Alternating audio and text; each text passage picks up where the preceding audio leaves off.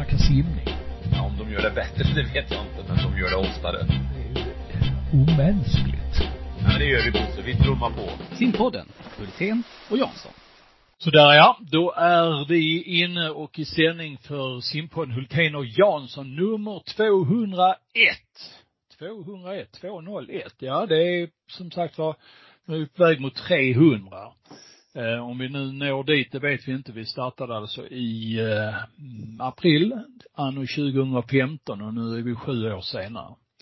Eh, vi har haft eh, massa gäster här under årens lopp. En del fasta eh, deltagare som eh, Viktor Johansson, eh, Camilla Johansson och så vidare. Eh, och idag har vi också en gäst. Och den gästen heter Torsten Bure eh, som kommer från den vackra staden Malmö. Han sitter just nu lite söder om stan, tror jag i alla fall. Är det så Torsten? Ja, det stämmer. Jag sitter i sockerbyn Hököping, där man hade ett gammalt sockerbruk fram till 1970-talets början. Mm. Som ligger i Vellinge kommun. Ja. Ja. Vellinge kommun lite bättre och lite mer, ja och så vidare. Men eh, det behöver vi inte snacka om nu. Vellinge kommun. Det är en och en halv eh, mil söder om Malmö. Varmt välkommen till simpodden. Kul att ha dig med idag. Tackar. Eh, och sen så ser vi också här uppe på min eh, skärm att eh, Thomas Jansson har eh, tagit sig upp ur sängen denna morgon, varit ute och skottat snö, sitter nu och svettas, eftersvettas och ska göra simpodden. Hur är läget med dig Jansson?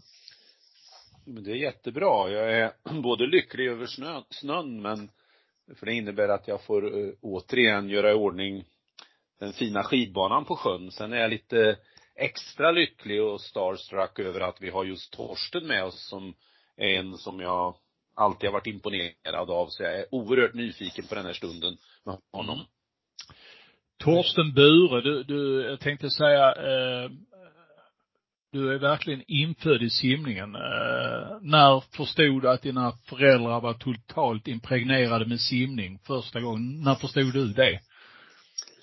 Ja, jag, det var nog rätt tidigt, alltså kanske fem, sex års ålder. Någonting sånt när jag åkte på träningsläger till Pörtjak med min pappas simmartjejer 1963 februarilovet. Mm. Då förstod man att man var med dem, alltså liksom det var en del av vårat liv när jag växte upp. Det här med, ja, med förening och att vara på simhallsbadet i Malmö och så. Och sen, simmartjejerna som eh, pappa Birger tränade, det var ett det var ju bara tjejer för det första. Det var bara tjejer, ja. Ja, som var framgångsrika, eh, mycket utifrån lagkappssammanhang på SM i början på ja. 60-talet. Ja. ja. Var det kul att, att vara med på de här lägren eller var det bara någonting som eh, släpades nej. med och var du i vägen och sådär eller? Nej, nej, nej, man var inte, alltså jag blev ju sedd för, av de eh, tjejerna och även på somrarna sen när man började träna i Hemmeslöv 1963 när Philipsson byggde den där bassängen så var ju Bosse Alm där med Katrineholms simsällskap och massa killar.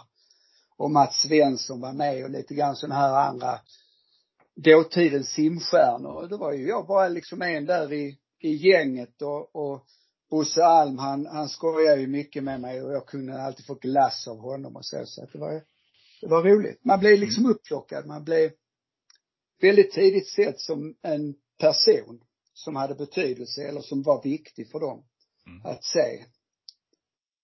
Du har ju en drös syskon också som eh, mm. har varit inblandade i simning, inte lika eh, länge och på samma nivå som dig själv. Eh, berätta.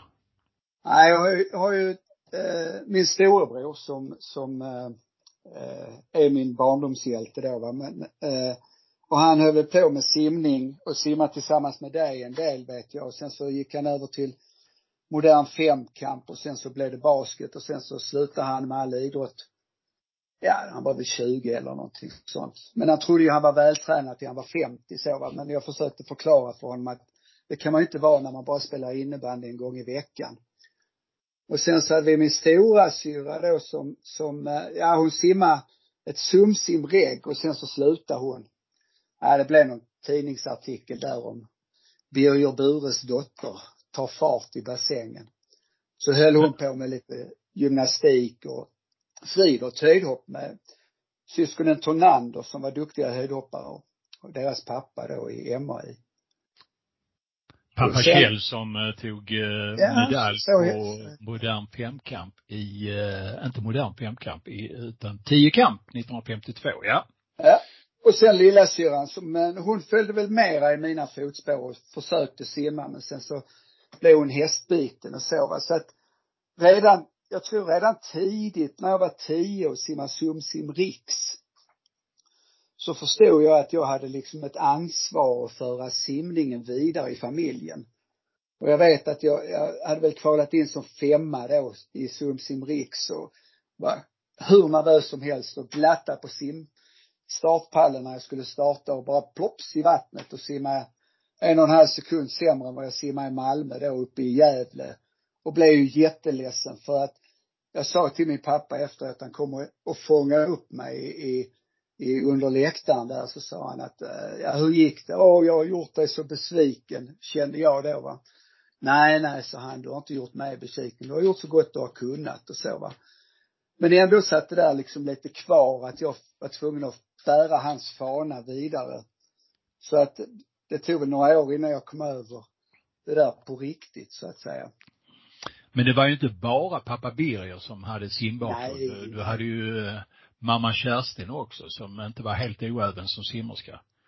Nej, och, och ja, alltså det var ju olika relationer vi hade i vårt hem med våra föräldrar va. Pappa var ju journalist och jag brukar säga han kunde fem saker. Röka, prata telefon, skriva maskin, åka taxi och så dricka lite whisky med jämna mellanrum. Och sen så fick ju mamma hålla koll på honom va. Så länge som han fick sköta sitt så, så var allting lugnt, frid och fröjd i huset och så va. Men, men äh, mamma hade ju stort inflytande på mig. Mamma och, och mormor och morfar som jag levde mycket med. Och så va. Så jag hjälpte min mamma med handikappsimning och sånt. Redan från tidig ålder, jag tror jag var 14, 15 när jag hade hjälpte till med med dövstumma och handikappade barn och vuxna. På Rörsebadet i, Malmö. Mm. Men du, mamma hade ju simmat också. Ja, ja, hon var ju duktig sprinter. Jag tror att när hon var 40 plus så simmade hon på 32 på 50 meter eller någonting sånt. Det var rätt fantastiskt på den tiden. Det var väl 60-talet. Måste det ha varit, ja.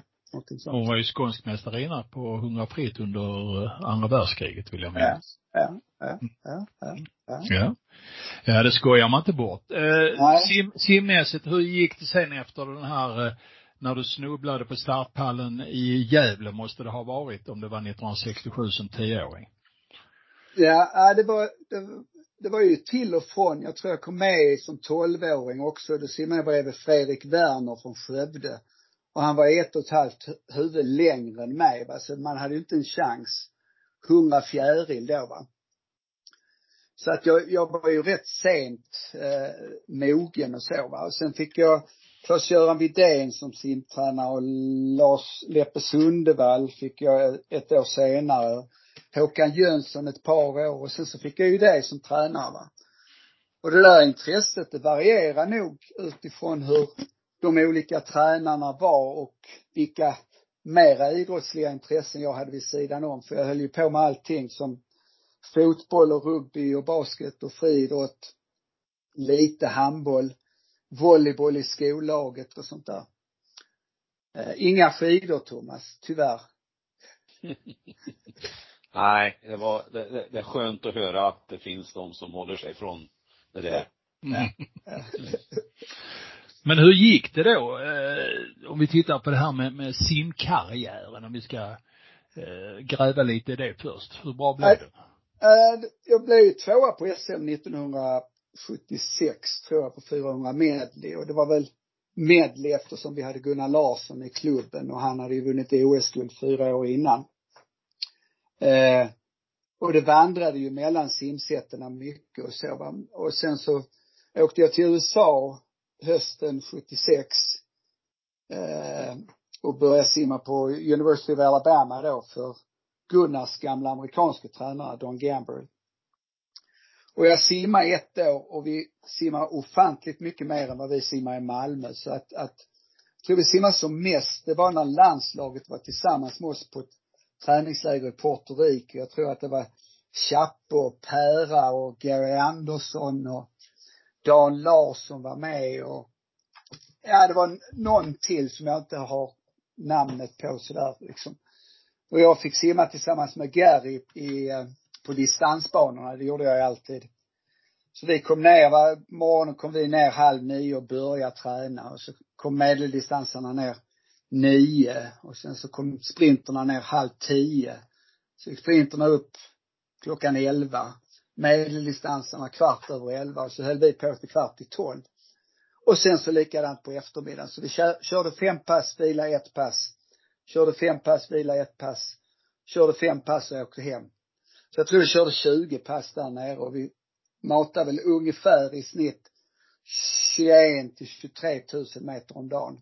Jag tror Gary kommer ihåg det där bättre för jag tror att det var liksom hans språngbräda för han simmade väldigt bra sen på, på in-SM, jag tror 15-17 i Umeå 1977 va? Mm, stämmer.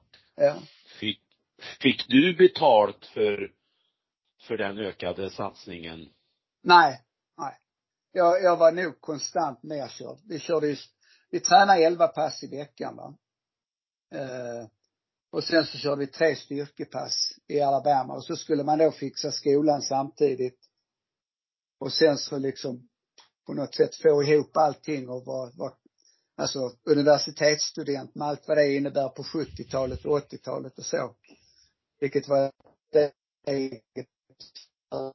liksom. Så att, eh, nej jag, jag simmade sönder mina axlar så att eh, jag åkte hem i maj, eh, lite längre för jag hade väl slarvat med skolan och så. Och, och Gambriel drog in mig på sitt kontor och så pekade han finger på mig. Han pekade inte finger, han sa med bestämd och lite darrande läpp så sa han att din pappa hade inte varit stolt över det du gör just nu. Hur ska du göra för att förändra det? Och så fick man ju ta sig själv i håret och han påminner mig än idag det här samtalet eh, som vi hade då för, vad är det, ja det är drygt 45 år sedan. Eh, och jag tackar honom fortfarande än idag för det där Eh, så jag åkte hem, fick massa kortisonsprutor i axeln. Gamble sa att oavsett vad du gör så, så kom tillbaks. Kan du inte simma så får du bli tränare. Och jag tog honom på, på allvar så jag åkte ju tillbaks. Jag hade min, min bästa kompis var ju kvar där så att, att eh, jag ville ju tillbaks till honom. Och så. Så jag prövade bröstsim i, jag tror tre, fyra veckor eller någonting sånt. Och så insåg jag att, ja men det var ju mitt kanske tredje simset eller någonting sånt förutom ryggsim och, och, och frisim då va. Eh, så att jag la ner, då sa Gambrel att, ja, okej okay, då är det dags att vara tränare. Du tar distansbanan och det var ju liksom världsartister på distansbanan som jag skulle träna. Jaha, vad ska jag göra då? Ja, det enda du behöver göra det är att aldrig sitta ner. Utan gå runt, titta så mycket som möjligt, se vad du kan upptäcka, se vad du kan lära dig. Och sen så bara stötta dem när de verkar lite trötta och så. Så det var så det började. Sen så fick jag också träna småungar Men då fick du alltså behålla ditt scholarship i det läget? Ja, alltså det var så. Jag, jag hade ju, min morfar hade satt in en massa pengar till mig så att jag använde ju delar av de pengarna för att betala min utbildning och jag hade ju inte tillräckligt, eh, eller jobbat upp tillräckligt, vad ska man säga, tillräcklig status för att få ett helt scholarship. Så att delar av scholarshipet betalades på, på, på det sättet ja. Och den andra delen betalade jag själv genom mina pengar från morfar som jag hade fått då sen jag föddes liksom. Så att, eh, och sen så kompletterade jag med att vara lite barn och ungdomstränare i, i, i simklubben då. Eh, en, mm. en, en fråga där Torsten, ja först bara, fjärilsim var det bästa simsättet va? Nej, frisim. Det var det, det var frisim. Ja. Frisim. frisim. Frisim och ryggsim har jag simmat final på SMI. Eh, okay. 400, 100 ryggsim. Eh, simmade faktiskt i, var i Skövdebussen 1976. Mm. Finalen 100 ryggsim var bara svenska mästare på ryggsim och jag. Var rätt fräckt. Det var Janne Troell och Hasse Tegelback och Chappe och och sådana här figurer. Svante Zetterlund. Svante Zetterlund var med ja. Det kan nämnas att det SM i Skövde 1976, då regnade konstant i fem dagar. Det har aldrig regnat så mycket på ett svenskt mästerskap. Det var 15 grader, blåste en saftig vind och så regn i fem dygn. Ja. Ja. När du, när du var där på kanten då i början, eh, fick du liksom en eh, gjorde du någon utvärdering av de tränare du haft liksom och satt in att, nej men, gud, hur tänkte de här och så vidare liksom, hur, hur, Nej, det fick du något förhållande till din karriär i den meningen? nej, det var, det var väldigt, väldigt nära. Jag tror inte jag fick ett, ett riktigt förhållande till min karriär förrän, ja det var nog inte förrän jag riktigt slutade va. Utan vi föddes ju, det var ju den mentaliteten då i slutet på 70-talet, ju mer desto bättre.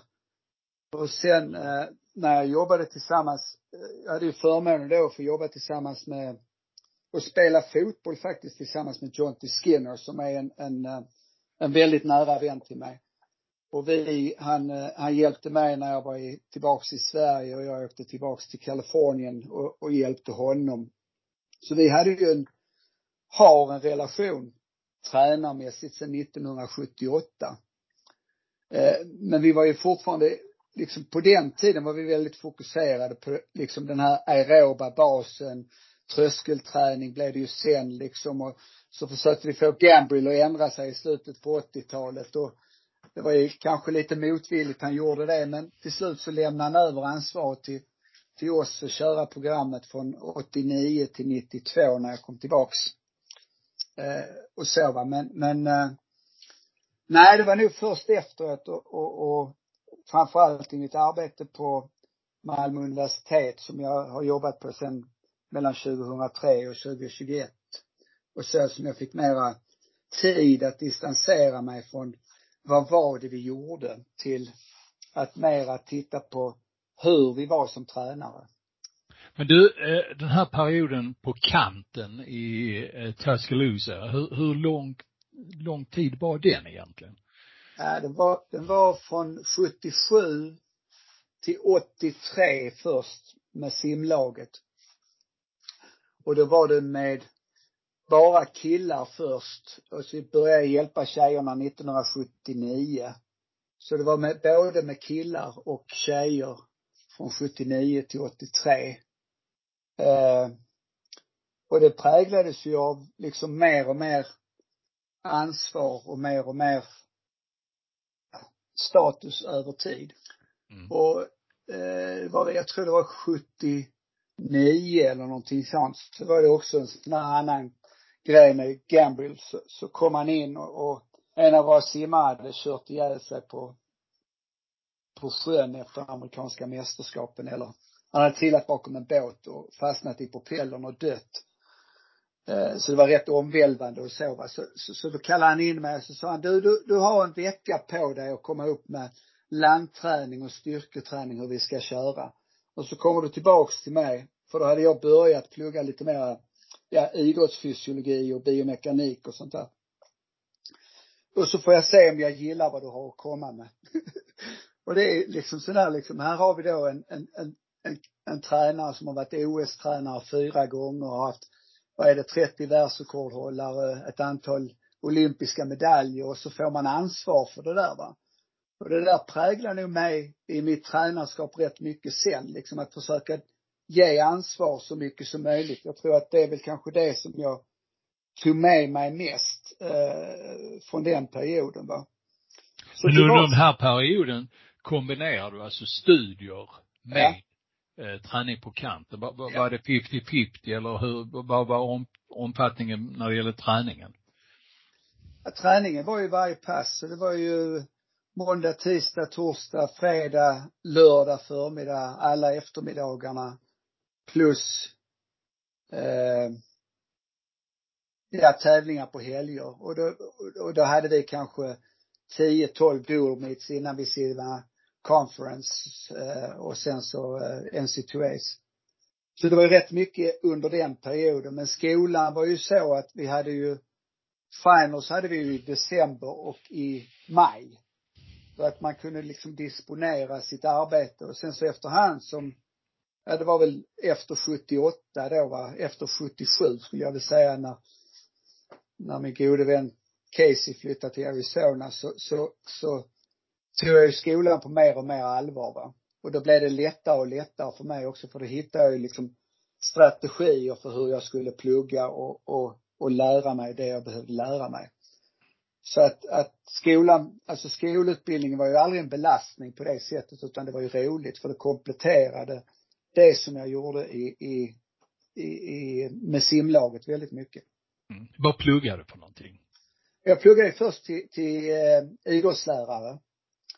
Och sedan. Physical education med Physical education. Ja. ja, ja. Och sen så pluggade jag till en master i arbetsfysiologi.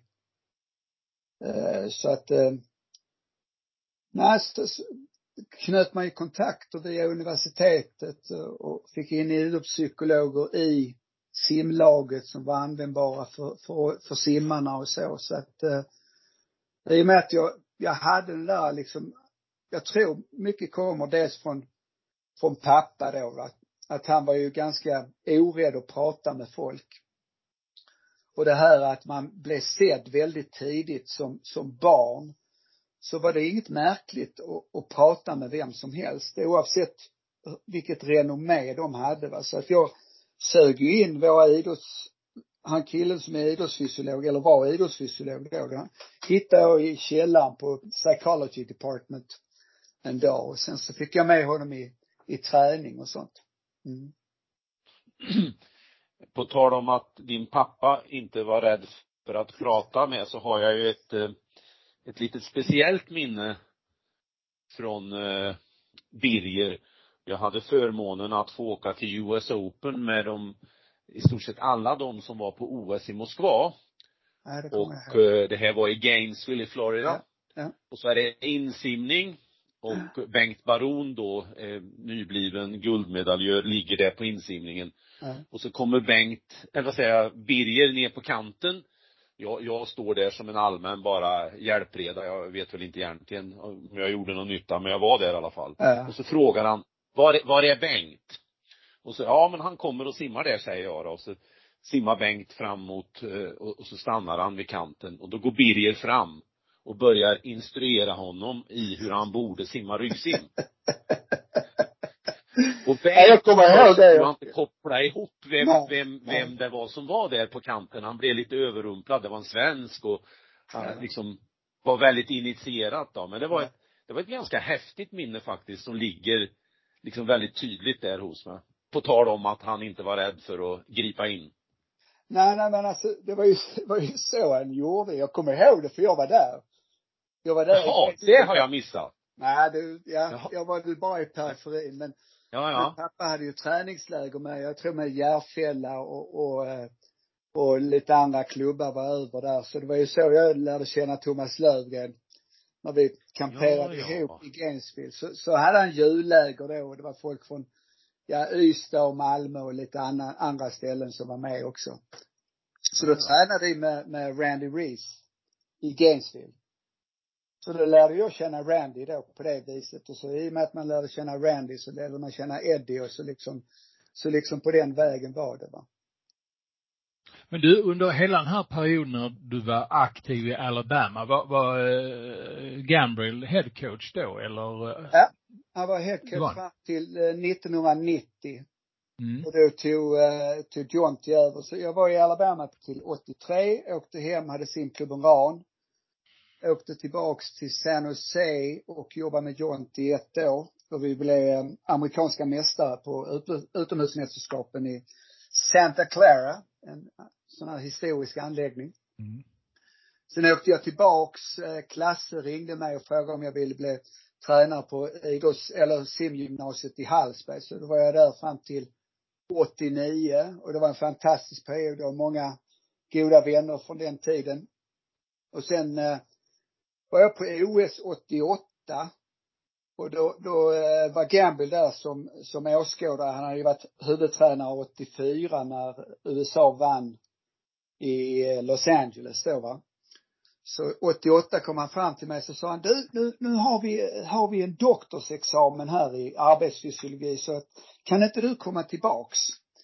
Och som grädde på moset så, så, så bjuder vi in dig till japanska tränarkonferensen 88 då i Tokyo. Så att du kan presentera vad ni har gjort med svenska, svenska simlandslaget fram till, till OS 88. För de tyckte väl att vi hade varit duktiga då i och med att Anders hade vunnit silver i, i Seoul då va. Så han, eh, han fick både mig och, och min dåvarande hustru Sofia Kraft och åka till Japan i en vecka.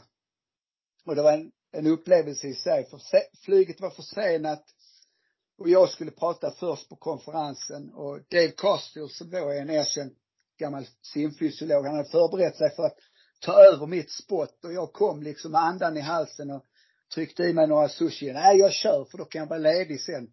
Så jag körde direkt på stående fot där i, i eh, en och en halv timme med frågor på japanska. Och träffade Laurie Lawrence och massa andra figurer. Eh, så det var, var, var jätteroligt. Sen hade vi en vecka där när jag spenderade tid med Glenn Christiansen och, och Ann och Sofia. Vi åkte runt lite grann i Tokyo och kollade på grejer och så. Sen åkte vi hem. Och vad hände sen efter detta? Efter eh, 88, hösten 88?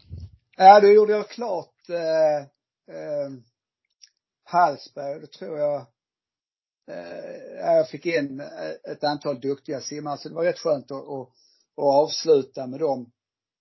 Eh, så va. Och så 89 åkte jag tillbaks till Alabama tillsammans med min hustru då och så jobbade jag där tillsammans med Jonty och vi hade ju skapat en liten håla där vi satt i som var Lactate Unlimited Research and Development Department kallade vi vårt lilla kontor där.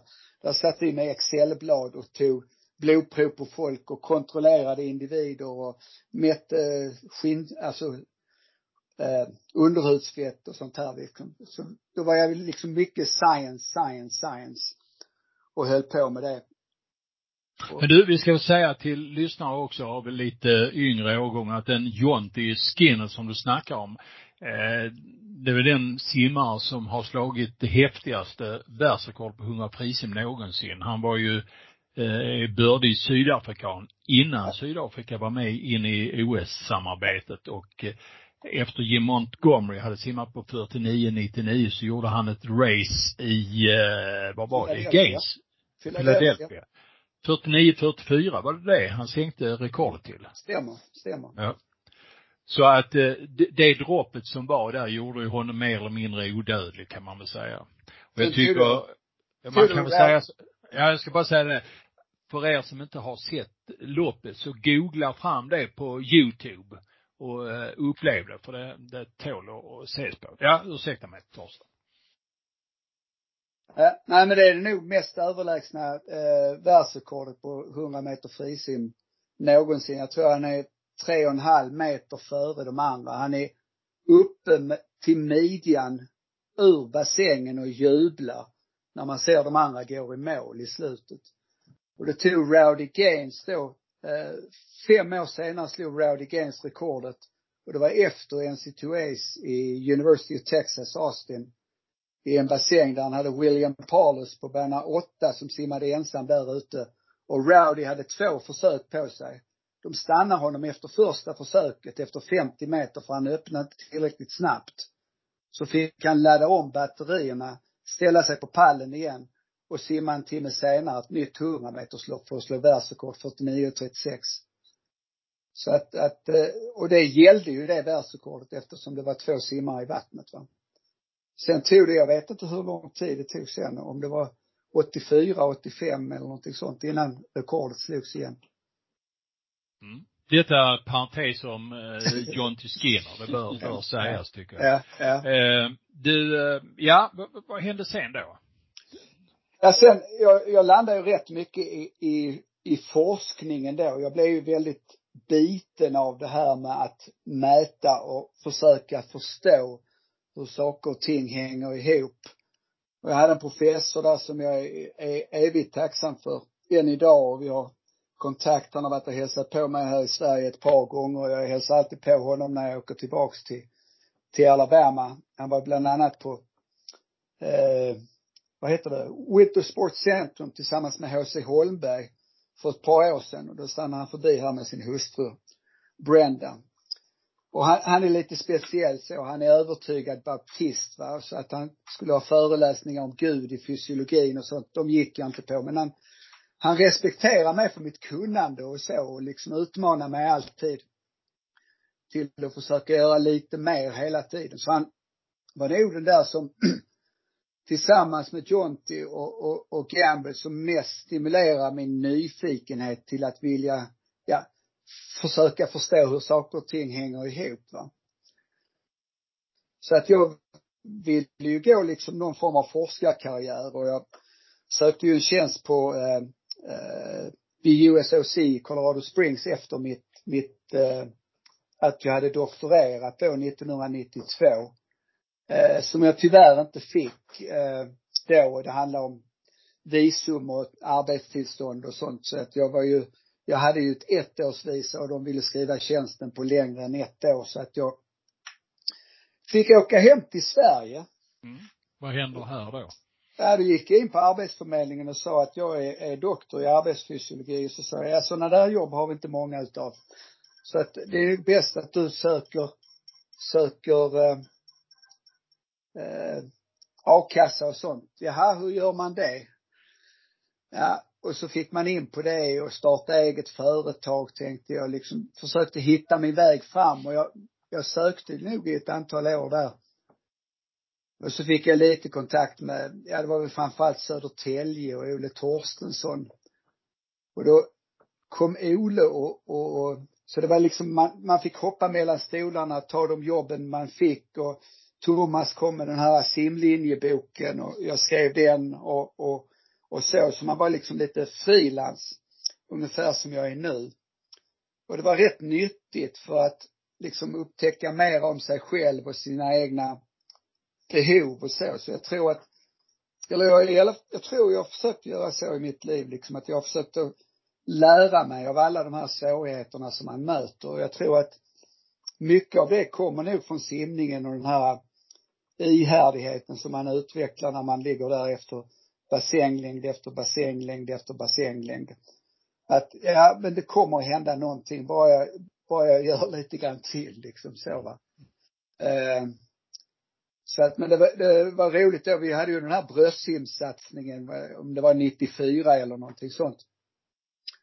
Så kom Ole och, och Tommy Lindell till mig så sa de att, ja men vi måste fan göra någonting åt bröstsim i Sverige, det är för dåligt. Kan du inte träna dem? Jo, sa jag, det kan jag väl göra och så ordnade vi så, så att vi kunde vara i Södertälje eh, en helg var fjärde vecka eller en gång i månaden, någonting sånt. Och så fick jag på något sätt ansvar att träna de här figurerna i bröstsim då. Och då gick vi från ena året var det, eller året därpå så hade en tid från 1993 räckt till final på, jag tror det var 100 bröstsim. Ingen tid till final på 200 bröstsim hade räckt till final 200 bröstsim 1994. Så det var en jävla utveckling, förlåt min franska, men, men alltså det var en, en utveckling och jag tror det var mycket för att, ja, det var rätt kassa förhållanden. De bodde på ett dagis vägg i vägg. Och vi tränade fem pass, fredag kväll, lördag två pass, söndag två pass. Och de fick möjligheten liksom att träna mot varandra. De bästa bröstsimmarna i Sverige. Och vi gjorde vansinniga grejer. Jag kan fråga Sverker Maltesjö vad vi gjorde. Han kommer bara garva åt det. Men, men alltså vi gjorde fantastiska grejer. Och ur det så kom ju eh, Patrik Isaksson framförallt då som vann VM 98. Han var ju med redan då 94 va. Och han blev ju, alltså de blev ju så taggade när man gör sådana här grejer. Vi hade ju roligt också. Alltså vi hade längddykningstävlingar. Jag kommer ihåg Willy Ahlström från Neptun. Han, han kunde glida 18 eller 19 meter från en start. Det var rätt imponerande. Eh, men vi, vi tränade landträning mellan passen och liksom höll på och jag bara tränade bröstsim med det hela tiden. Åtta gånger hundra, start åtta minuter uppifrån. Bästa snitt, ja det var Peter Karlsson, Västerås, som, han, han tog aldrig slut liksom. Men, men eh, vissa till slut direkt. Fredrik Rosenholm och Peter Aronsson och Ilja Mihailovic och sådana. Ja. Men du, då, efter, efter att ha gått då skrotat lite och, och uh, kört lite freelance, eh, då landade du i en klubb sen till slut då? Ja, jag landade i MKK.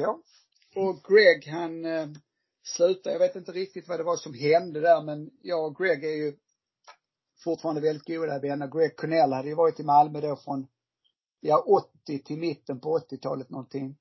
Varit hemma någon vända och sen kommit tillbaks igen. Och han hade ju lyft bland annat Stefan Persson och Malin Nilsson och massa duktiga simmare, Jan Birdman och, och hela gänget liksom. Eh, det var ju Malmö verkligen ett, ett powerhouse. Och så fick jag ta över det. Och hade väl ja, lite grann av samma inställning men en, lite kanske mera, jag ville se till hela klubben och att alla fick vara med och utvecklas och så.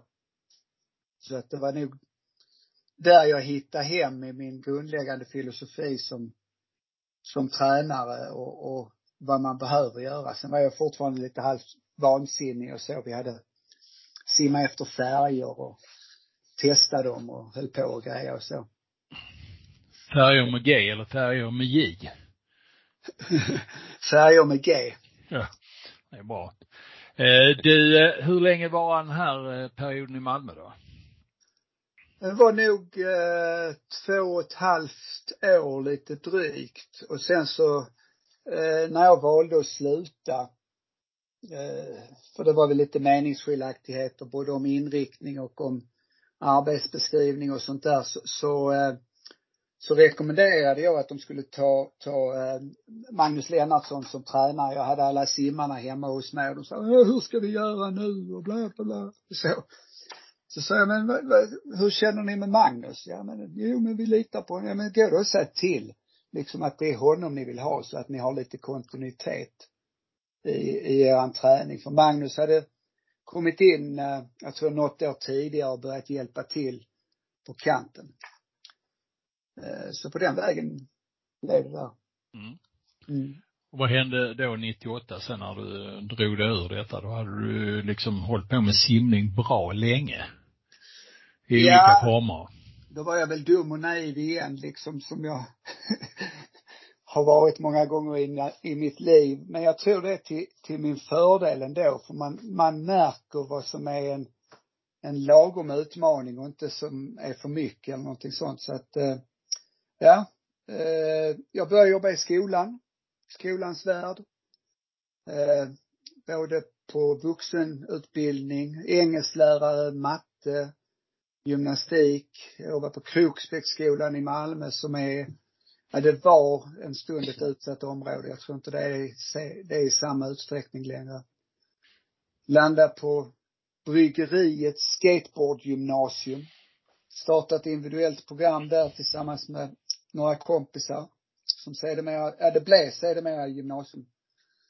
Eh, och sen så låg, eller bryggeriet ligger precis mot mittemot där, där eh, Malmö högskola, som det då hette, hade sina lokaler på Munkhätteskolan. Så att, och där hade jag en gammal barndomsvän som, som jobbade som lärare.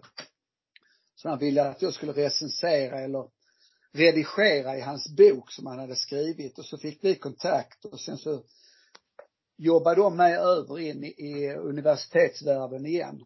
Och det trivdes jag med och det uppskattade jag väldigt mycket. Så då landade jag där från ja, 2003 till 2021. Och då har jag aldrig varit på ett ställe så länge. så att jag har ju liksom hoppat runt hela tiden innan, förutom Alabama då, man mm. räknar de tio åren. Det här eh, jobbet på Malmö högskola som sedermera också fick kalla sig universitet på senare år. Vad har det bestått i? Ja, det är huvudsakligen har jag hållit på med och utveckla de programmen som man har haft där, idrottsvetenskapligt program. Men sen eh, 2008 så, vi hade lite samröre med Linnéuniversitetet och Kalle Hageskog då, den gamla DC-kaptenen, var ju konstnärlig professor på Linnéuniversitetet. Han är det fortfarande idag, men han jobbar även på Olympiatoppen i Norge. Så att Kalle och jag kände varandra sedan 88 och OS då och jag hade hjälpt Tennisförbundet någon gång 97, 98 eller 99 vad det var med någonting med träningsplanering och sånt här. Jag tror det var Peter Reinebo från SOK som satt ihop mig och Kalle. Och sen så körde vi någon, några vändor där med Tennisförbundet.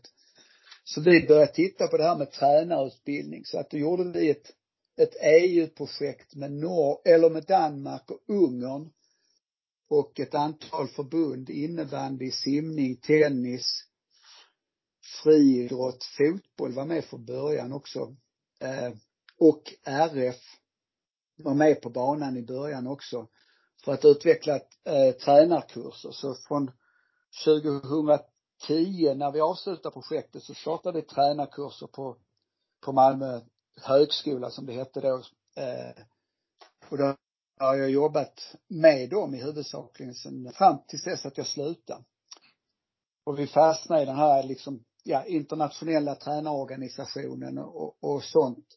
Som driver en väldigt bra, vad ska man säga, ja de är väldigt pådrivande för de är förankrade upp i eh, hela vägen upp i, i inte i IOC men den här eh, eh, sammanslagningen för sommarolympiska förbund och idrottarnas eh, eh, kommitté där i relation till, till IOC och så va. Så att eh, idag sitter jag då som, som medlem i deras forskningskommitté. Rent ideellt och jobbar med att, att försöka bredda forskningen kring allting som handlar om tränarutbildning, tränarutveckling. Ja, hur man bygger olika system för att utveckla individer och så vidare. Så att eh, 2021 så tänkte jag att nej nu, nu har jag gjort vad jag kan på universitetet. Även om jag liksom till och från kan sakna den här kontakten med, och relationen med studenterna och få dem att bli nyfikna och, och och så va, så, så tänkte jag, nej nu får jag göra någonting annat på egen hand. Så då slutade jag i våras och så jobbar jag själv med det här med tränarutveckling och ja, stötta förbund och, och, och så i olika avseenden. Freelancer. Är du, är du pensionsmässig som 64-åring? Ja, numera, du ska ju fylla 65 år va? Är du pensionsmässig eller kommer du nej, hålla på ett nej, tag till? jag, jag är nog som min far, jag kommer nog hålla på tills jag stupar. Mm. Så att eh, han skrev ju sin sista artikel på söndagen och sen så gick han bort må måndag kväll. Därefter va. Så att jag tror att, och jag behöver det här att, att umgås och att få folk att, att, att växa, att vilja utvecklas, att vilja bli bättre. Och jag har väl liksom en tydligare fokus på det idag än vad jag någonsin har haft tidigare om du nu skulle liksom rikta blicken åt det eh, som kallas svensk simning, vad, vad, vad, vad, vad ser du idag och vad skulle du egentligen vilja ändra lite på? Finns det någonting du vill ändra på eller du, du tycker att eh, man jobbar på rätt sätt? Jag, jag ser, för det första, vad ser du för någonting idag? Vad, vad jag ser, jag ser ju att det, det växer upp små öar och, och det verkar som att man tar hand om, om individerna. Där finns många gånger ett, ett gott tränarskap kan jag föreställa mig bakom det här va. Eh, så att, och jag håller ju ögonen på det lite grann från min horisont. Jag är inte så resultatbiten som du är Bosse, men, men, eh, men man följer med, hur lyckas man? Och jag tror att det var, jag tror det var Hasse som började det med att, att använda långbanemästerskap, eller kortbanemästerskapen och pusha fram tjejerna i, i förgrunden. Jag tror att, att mycket av det vi ser idag i svensk simning är, är Hasses eh, Hasse Kronak alltså. Hasse Kronaks jobb liksom. Hur han började med det. För den, det bara rullade på. Det blev en tradition va. Så jag tror att, att damsimningen i Sverige drivs mycket av traditionen och närheten till de här eh, stjärnorna som vi har haft genom åren va. Eh, och då framförallt då med Sara här på slutet men även Therese. Alltså i och med att de fanns i den miljön och man var med i landslaget så det här, det var ju inte så märkvärdigt att vara bäst i världen när man har sådana bredvid sig va. Och jag tror att det färgar av sig rätt mycket. Jag tror att killarna har haft en, en större utmaning för att Lars Frölander då 2000, han var, han var rätt ensam och rätt egen i sitt sätt att träna. Och jag tror inte det var så många som hade köpt hans träningskoncept just då. Det är kanske flera som anammar det idag. Men, men alla killar som har slagits fram nu, framförallt då Erik Persson och, och Viktor Johansson, de har fått göra det rätt mycket på egen hand. Och jag tror att, att de skulle må bra och kunna vara goda förebilder till alla de som ligger precis bakom dem. Att man, man ser varandra föreningsmässigt, inte som, som motståndare utan som medspelare. Det är ett sånt där Kalle Hageskog uttryck. Liksom han, han präntar i det i sina DSV-spelare då på, på 90-talet att vi är aldrig bättre än vad våra motståndare får oss att prestera. Och jag tror man måste uppleva det där väldigt mycket i vardagen för att kunna mäta sig själv hela tiden och säga, ha, han kan göra det, hon kan göra det. Kan jag göra någonting liknande? Vad är mina utmaningar? Alltså jag tror att det består, träningen består väldigt mycket av att upptäcka och utmana sig själv eh, för att se hur långt kan jag gå? Alltså det är processen det är frågan om hela tiden om man ska bli riktigt bra. Det är ingenting annat än processen och den där processen är rätt, jag tror den är väldigt glädjefylld. Kanske inte i stunden, liksom 10 gånger 400, 40 gånger 100 och 20 gånger 200 på ett pass. Det är inte världens roligaste grej men det blir roligt när man klarar det. Det blir roligt när man lyckas göra saker och ting som man liksom aldrig har föreställt sig att det där är totalt omöjligt att göra.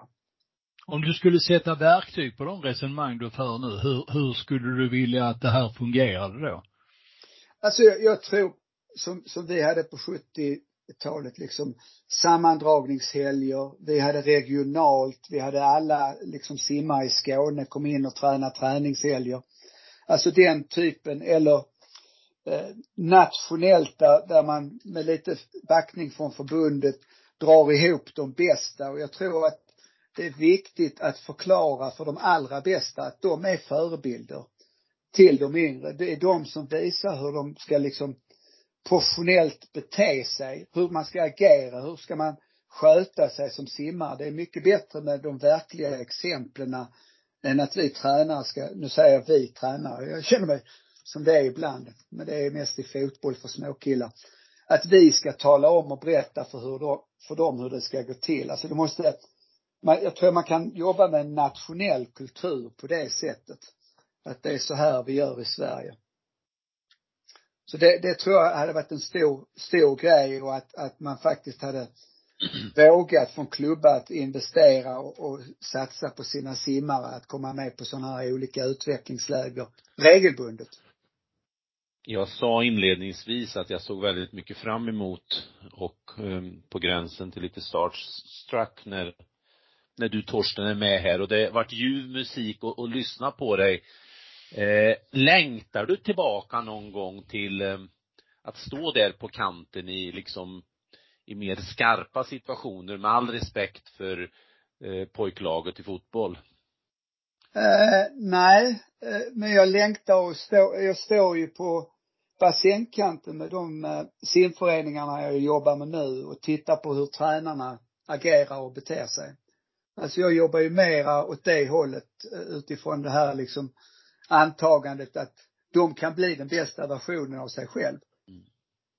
Och, och liksom försöker vässa deras verktyg i kommunikation och, och reflektion och kritiskt tänkande eh, och få dem att fundera, alltså komma till, till insikt mera om sig själv först snarare än att ja det är så här jag ska, det är de här serierna ska simma på ett pass. Har du din agenda full eller har du utrymme för fler åtaganden? Nej, jag har utrymme för fler åtaganden eftersom jag inte vet när jag kommer att dö. Eh, så att, men man får ju liksom planera det. Jag vill ju göra ett bra jobb. Alltså det viktigaste för mig är att göra ett bra jobb med dem jag jobbar med just nu. Mm. Eh, så va. Så att eh, jag, jag fyller ju på successivt efterhand här. Om du vänder blicken bara från simmarna och tränarna, vad, vad, vad skulle du vilja se i svensk simning, till exempel eh, om vi snackar tävlingar idag? Har någon åsikt om det? Alltså, jag tror att man har missförstått begreppet tävling. Jag tror, jag, jag, jag tror att, att samtidigt som vi pratar om från ett idrottspsykologiskt perspektiv så pratar vi om processen, alltså dag för dag arbetet, prestationen, var är jag i jämförelsevis med sig själv och resultatet, var är jag i jämförelsevis med andra. Så tävlingen, det, det är mera en, en, en, en fostransform. Man lär sig någonting. Alltså syftet är att lära sig någonting. Och det är sådana saker som vi kommer att lära, ha nytta av resten av livet. Det vill säga att vi lär oss att jämföra oss med oss själva och andra. Spela efter spelets regler. Och framförallt det sista, att känslomässigt hantera att bli jämförd med andra. Och vi har förlorat fokus att det är det som tävlingen syftar till. För den, den är ju egentligen, tävlingen är ju avstämningen från träningen. Har jag tränat rätt? Har jag fått någon utveckling på tävling? Det är väldigt svårt i åldrarna 12 till 18 år att säga om det var träningen eller mognaden som, som spelar roll. Va? Så att vi, vi förvirrar oss och tror att det är träningen alltid som spelar roll. Så det är liksom en parentes i det hela. Men vi måste hjälpa de här unga människorna att, att förstå och hela tiden vara nogsamma med att uppmärksamma både processen, ansträngningen, ihärdigheten och prestationen jämförelse med sig själv. Samtidigt så, så, belönar vi resultaten. Och jag tror vi är lite skeva i det och jag har pratat med ett par föreningar om vad är det föreningen uppmärksammar när året är slut. Och då var det ett par föreningar som säger, ja, vi har ett processmål, ett prestationsmål och 14 resultatpriser som vi ger. Så om vi fortsätter i föreningarna att också premiera resultat, ja men då är det så den sociala rangordningen simmarna emellan sker. De blir mer värda när de presterar resultat. Och det, dilemmat i det hela är ju att, att, att unga vuxna skapar sin självbild mera utifrån hur vi uppmärksammar och vad vi säger till dem snarare än vad de själva kommer till insikt med. Så att vi vuxna är ju helt ute på fel bana i det. När vi, vi har inte förstått att tävlingsformen är en fostransform, likadant som föreningsformen är en fostransform. Men det fostrar andra värden. Det fostrar demokrati, åsiktsfrihet och så vidare och så vidare. Va? Så vi har blandat ihop de här till elit och bredd och massa andra konstiga begrepp som egentligen är ett sätt för oss att förenkla saker och ting fast det bara gör att vi, vi pratar om det på ett visst sätt. Så att jag, jag skulle vilja ta tillbaks det där begreppet tävling. Så om man tittar på tävling som är, på engelska är det competition. Kommer från latin competere, som betyder att sträva tillsammans med någon efter något. Och jag vet att Kalle, jag kommer tillbaks till honom, hans medspelare, alltså se våra motståndare som medspelare istället va. Att jag ska slå, äh, nej, min medspelare får mig att prestera bättre. Ju tätare tävlingsmomentet är, ju mindre förutsägbart är det vem som kommer att vinna. Och det kan man se i simresultaten, alltså de som simmar i ett lopp där, där konkurrensen är extremt hård, säg 100 frisim herrar. Där vet man aldrig vem som kommer att vinna därför att det är så liten tidsskillnad mellan ettan och åttan. När man tittar på finallopp där det är stor tidsskillnad mellan ettan och åttan så är det ofta så att de som är femma, sexa, sjua, åtta inte slår pers. Och det gör de mycket därför att rent psykologiskt så vet de att de har inte en chans till medalj. Så att, att vi förstår inte det psykologiska momentet i tävlingen, hur stor roll det spelar för prestationen, utan vi måste liksom komma tillbaks till de här andra sakerna istället. Mm. Thomas, har du något att fylla i här? Nej men alltså det är ju både intressant och uh, lärorikt på samma gång och tangerar ju lite grann de här problemställningarna. Vi har inte minst lyft i, i podden kring tävling ut lite annat perspektiv så att eh, mm. Nej, lite ljuv musik är det att höra dig Torsten. Jag, jag är nästan så du kan tro att jag vill låna pengar av dig när jag sätter upp det på piedestalen. Men det, det, det är på riktigt att eh, det är väldigt intressanta tankegångar du har. Vi börjar närma oss eh, hundra här i, i podden, ja, 202 kan man ju mm. säga, uttrycka mm. sig som så. Eh, Jansson, ibland så, så vill du klämma de här eh, gästerna på tre snabba och då, då funderar man på ibland, eh, har du verkligen tänkt efter Jansson? Har du gjort det idag? Mm, nej, jag trodde, jag trodde du skulle säga, är du verkligen nykter? Nej men eh, vi har ju kloka eh, människor som kommer i vår podd men eh, eh, jag måste ju då ställa lite ännu klokare frågor. Eller rättare sagt i det här fallet tre stycken eh, saker du ska ta ställning till. Mm. Eh, du får alltså ett val i varje fråga. Och den första är eh, vad vill, om du får välja mellan att sitta på stranden och dricka en GT eller vara i en isvak och läsa poesi. Vilket väljer du? Ja, jag tror jag tar stranden och, och en GT. Det var ett enkelt val. Ja, det var ett enkelt val. Ja. Eller, och nästa då. Eh, att besöka museet du drömt om. Mm. Eller en eh, golfdag i solen. Eh, museet jag drömt om. Om du fick möjlighet att välja en distans utav de här två att bli OS-mästare i, vilken väljer du? 50 frisim, 400 medley. Ja, 400 medley måste jag ju välja då. Mm. Tack! Nu blev vi jättemycket klokare på vem Torsten Bure är. Mm. Finns ju naturligtvis många fler frågor att ställa och många mer eh, grejer att snacka om. Och, och jag, som sagt var, livet eh, eh, tar ju inte slut här hoppas vi, även om, om du lite har tangerat eh, den frågeställningen. Mm. Jag tyckte det var väldigt intressant här när du inledde med att eh, fick eh, rådet av Gambrill, sitt aldrig ner. Eh, utan eh, stå upp och, jobba och vara nyfiken. Eh, är det någonting vi kan eh, föra med oss till unga svenska simtränare idag också? Ja, alltså att, att stå upp och röra, alltså framförallt att röra sig runt hela bassängen och, och se ur olika vinklar. För många gånger så, så, så tror jag att vi, vi reagerar på någonting som vi ser i ögonblicket. Och framförallt när det gäller teknik så, så förändras tekniken i takt med att jag blir tröttare.